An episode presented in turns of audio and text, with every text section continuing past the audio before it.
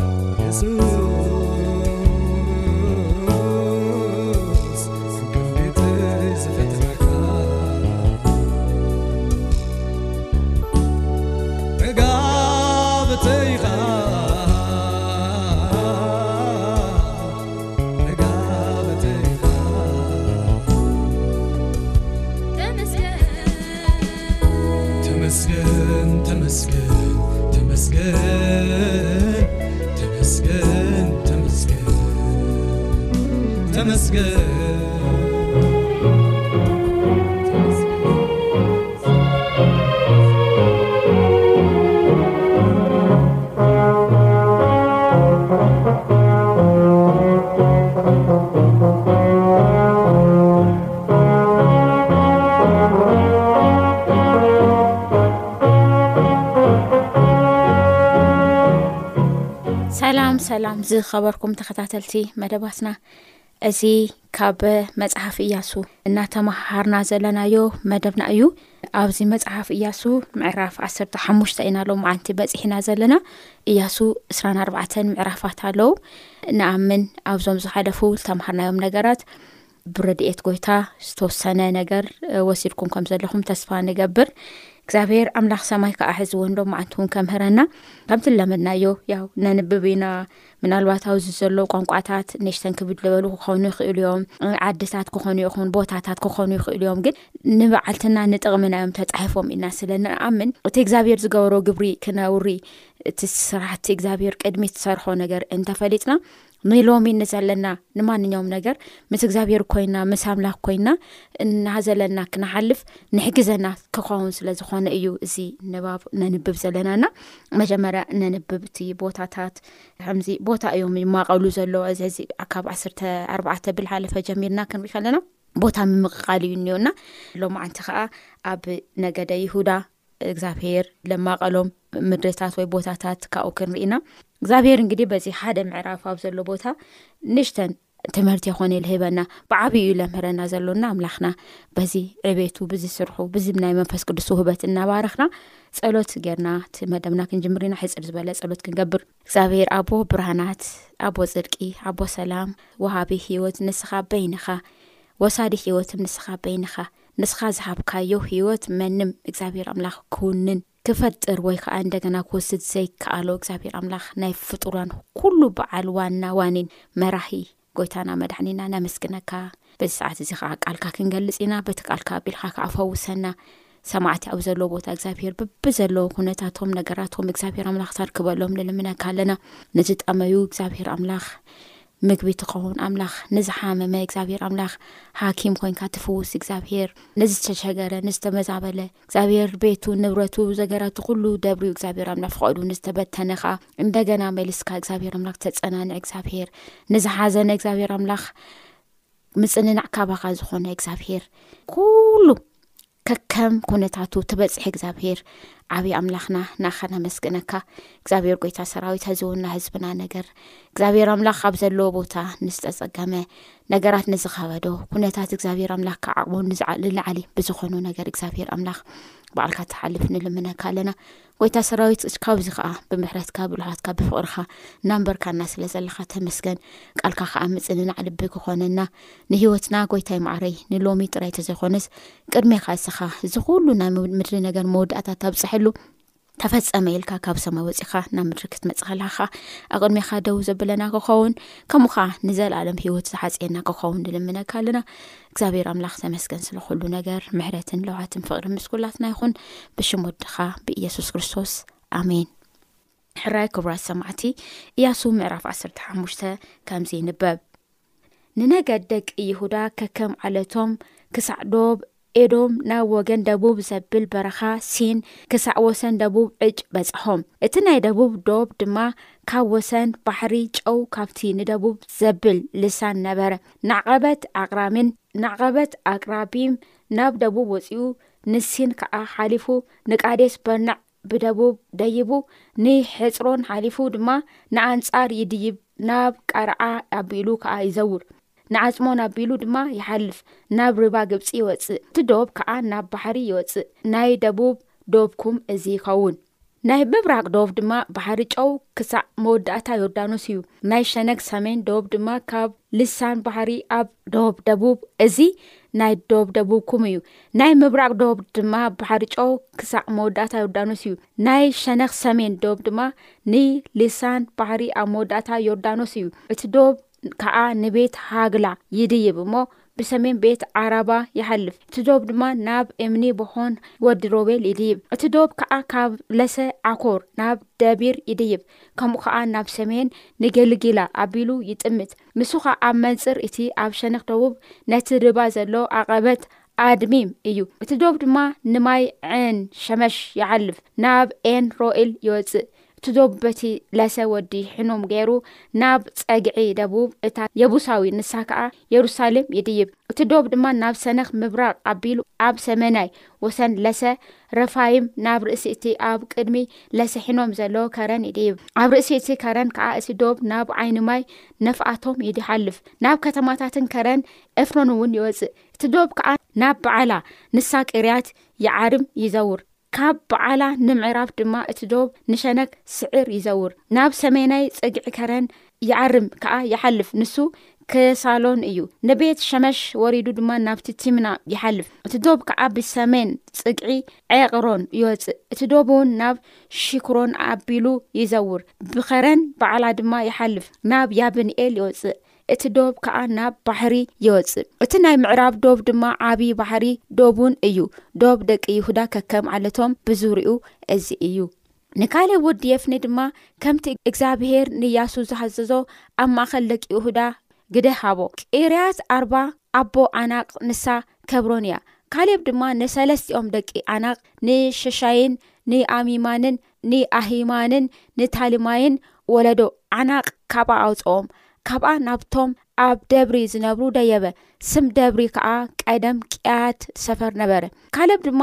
ነቲ ንቅየርያት ሰፈር ተዋጊኡ ዝሓዘ ዓኪሳ ጓለይ ሰበይተይ ክትኾኖ ክህቦ እየ በለ። ሽኡ ኦትኒኤል ወዲ ቄናዝ ሓዉ ካሌብ ሓዛ እሞ ኣኬሳ ጓሉ ሰበይቲ ክትኮኑ ሃቦ። ኮነ ከኣ ምስ መጸት ካብ ኣቦኣ ግራት ክልምን መኸረቶ። ካብ ኣድጋ ከኣ ወረደት። ካሌብ ድማ እንታይ ኮንኪ በላ። ንሳ ከኣ በረኸት ሃበኒ ምድሪ ደቡብ ሂብካኒ ኢኻ እሞ ዓይኒ ማይ ከኣ ሃበኒ በለት። ንሱ ድማ ላዕላይ ዓይኒ ማያትን ታሕታይ ዓይኒ ማያትን ሃባ። ርስቲ ነገድ ደቂ ይሁዳ ከከም ዓለቶም እዚ እዩ። እተን ብወገን ደቡብ ናብ ዶብ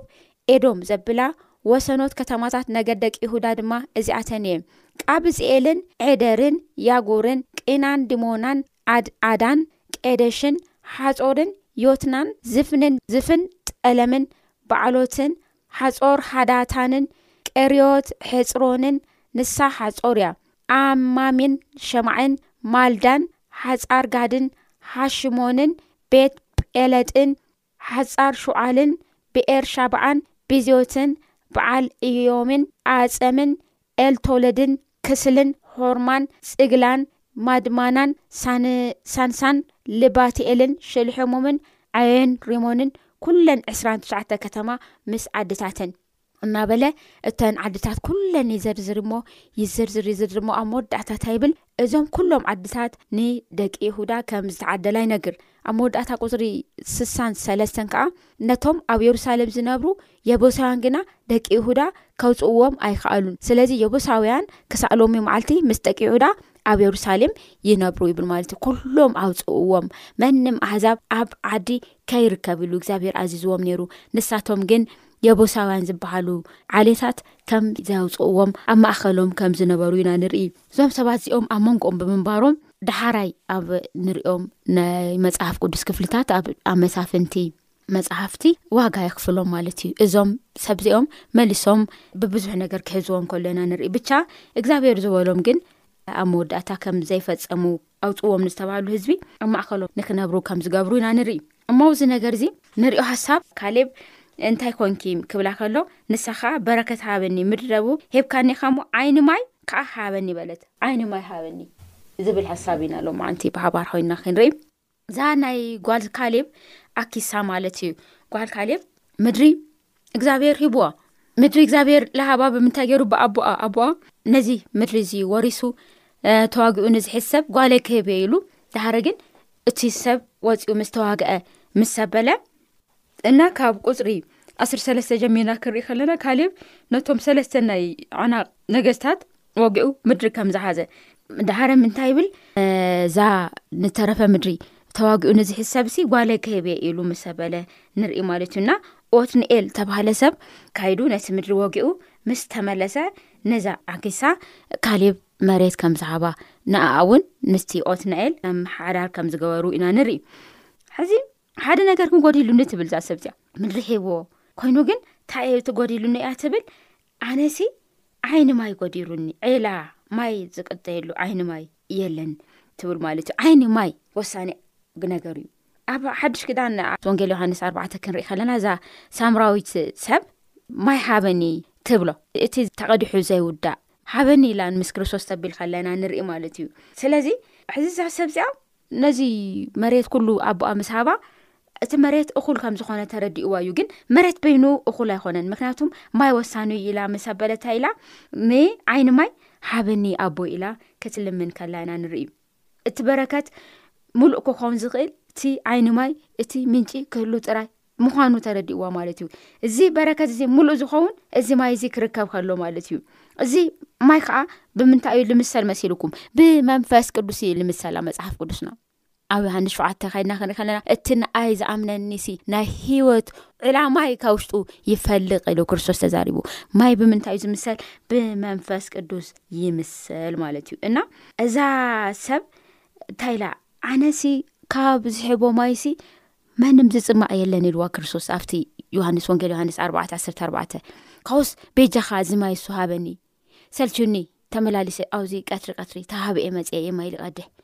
እሞ ሱማይ እሱ እንዳሂብካኒሲ በቃ ናብዚ ምምፃእ ይተርፈኒ እሞ ኣብኡ ብሰላም ይነብር ኢላ እዛ ሳምራዊ ሰብ ንክርስቶስ የሱስ ክትልምኖ ከለና ንርኢ እና እቲ ኣነ ዝህቦ ማይ ዝሰትሲ ኣይፅምኣን ኢሉ ክርስቶስ ከም ተዛረቦ ኢና ንርኢ እና እዛ ዓኪሳ ጓል ካሌብ መሬት ዋላ ተረኪባ ግን ሓደ ነገር ቀርዩ ዓይኒ ማይ ቀርዩኒ ዒላ ቀርዩኒ ኢላ ንኣቦኣ ደጊማ ከም ዝሓተተት ኢና ንርኢ ማለት እዩ ስለዚ ሓና ውን ኣብ ሂወትና ብንሽተን ነገር ረክዒና ብንሽተን ነገር ረዊና ኮፍ ክንብል የብልናን ይብለና እግዚኣብሄር እቲ በረከት ዝጀመሮ በረከት ሙሉእ እስካብ ዝገብር ካብ ኣፉ ናይ በረከት ዘረባ እስካብ ዝወፅእ ኣብ ቅድሚ እግዚኣብሄር ክንፀንዕ ከም ዘለና እዛ ሰብ እዚኣ ተምህረና ማለት እዩ እግዚኣብሄር ክጅምር ከሎ ከይ ፍፅም ከይ ገብር ቃል ኣቲ ኣምላኽ ኣኮነ ከይ ፍፅም ኣይጅምርን እግዚኣብሄር ማንኛውም ነገር ማለት ዩ ኣብዚ ምድሪ ስለዚ እቲ እግዚኣብሄር ዝጀመሮ ነገር እዚ ካብ ጀመርካ ኣብ ሂወተ ካብ ምስራሃሊ ካብ ጀመርካ እዚ ነገር እዚ ንኣይ መሃብ ካብ ጀመርካ እሞ ሙሉእ ግበሮ ኢልና ሙሉእ በረከት ካብ እግዚኣብሄር ክንቕበል እዚ ነገር ይነግረና ማለት እዩ እንታይ ብለና ፍልጵስዩስ ሰለስተ ዓሰርተ ክልተ ጳውሎስ ኣነ ነቲ ንእኡ ክኸውን ብክርስቶስ የሱስ እተረኸብኩ ምእንቲ ክረኽቦ ንቅድሚት ይደፍእ ኣለኹ እምበር ቅድሚ ሕጂ ከም ዝገበርክዎ ወይስ ቅድሚ ሕጂ ፍጹም ከም ዝኾንኩ ኣይኮንኩን ይብል ማለት እዩ ንቅድሚት ማለት እዛ ሰብ እዚኣ እቲ ልረኸበቶ ረኺባ ዋዶ ግን ልተረፈ ኣሎኒ እዩ ካብዚ ልተረፈ ኣሎኒ እዩ ኢላ ተብል ከለና ንርእሲ እዚ ዛጓል ካሌብ ኣኬሳ ዘርእቶ ድፍረት ንናቦኣ ካብካ ብእምነት ብድፍረት ሓቲታ ካብ ኣቦኣ ነዚ ተዋህባ በረከት ከም ዝተቐበለት ኩሉ ማለት እዩ ኣናለ ብመንፈስ ቅዱስ ተመሊእና ብውሽጥና ብድፍረት ብእምነት ኮይና ንእግዚኣብሄር ንልምኖ ነገር ኩሉ ንንሓቶ ነገር ኩሉ ክበና እግዚኣብሄር ኣብ ቃሉ ኣእትዩና እዩ እቲ ትልምድዎ ነገር ኩሉ ከም ፈቓደይ ትልምድዎ ነገር ስክበኩም ስኣነ እሙንን ፃድቕን ይልብልና ማለት እዩ ስለዚ እዛ ኣኪሳ እዚ እያ ተምህረና ማለት እዩና ሕና እውን ናይ እምነት ሰባት ክንከውን ማለት እዩ ናይ እምነት ሰባት ክንኮን ከለና ከዓ ኣብ ደቅና ኣብ ስድራና ኣብ ምሳና ምስ ልብሉ ሰባት ኩሎም ታይድ ክንገብር ንኽእል ኢና ፅዕንቶ ክንፈጥር ንኽእል ኢና ማለት እዩ ስለዚ ከም ጓል ካሌብ እዚ ክንገብር ይነግረና ማለት እዩ ሕዚ ምዕራፍ ዓስርተ ኣርባዕተ ክንርኢ ከለና ካሌብ በቃ ኣነ ገና እየ ጉልበተይ ገና እዩ ሰማን ዓመት ዋላ ትኾንኩስ ብርቱዑ እየ እኒኤኹ እናበለ ንቲ ነዚ ከረን እዚ ሃበኒ ኢሉ ንእያሱ ክፅይቁ ከሎ ክድ ውሰድ ኢሉ እያሱ ከዓ ከፈቅደሎ ከሎና ንርኢ እዩ ስለዚ ኣብዚ ክንርኢ ከለና ኣብ ናይ ካሌብ ሂወት እግዚኣብሄር ስነቶም ዝእመንዎ እግዚኣብሄር ነቶም ዝጽበዩሲ እሙን ከም ዝኾነ ኢና ንርኢ ሕዚ ዓሰርተ ሓሙሽተ ክንርኢ ከለና ከዓ እንታይ ገይሩ ነቲ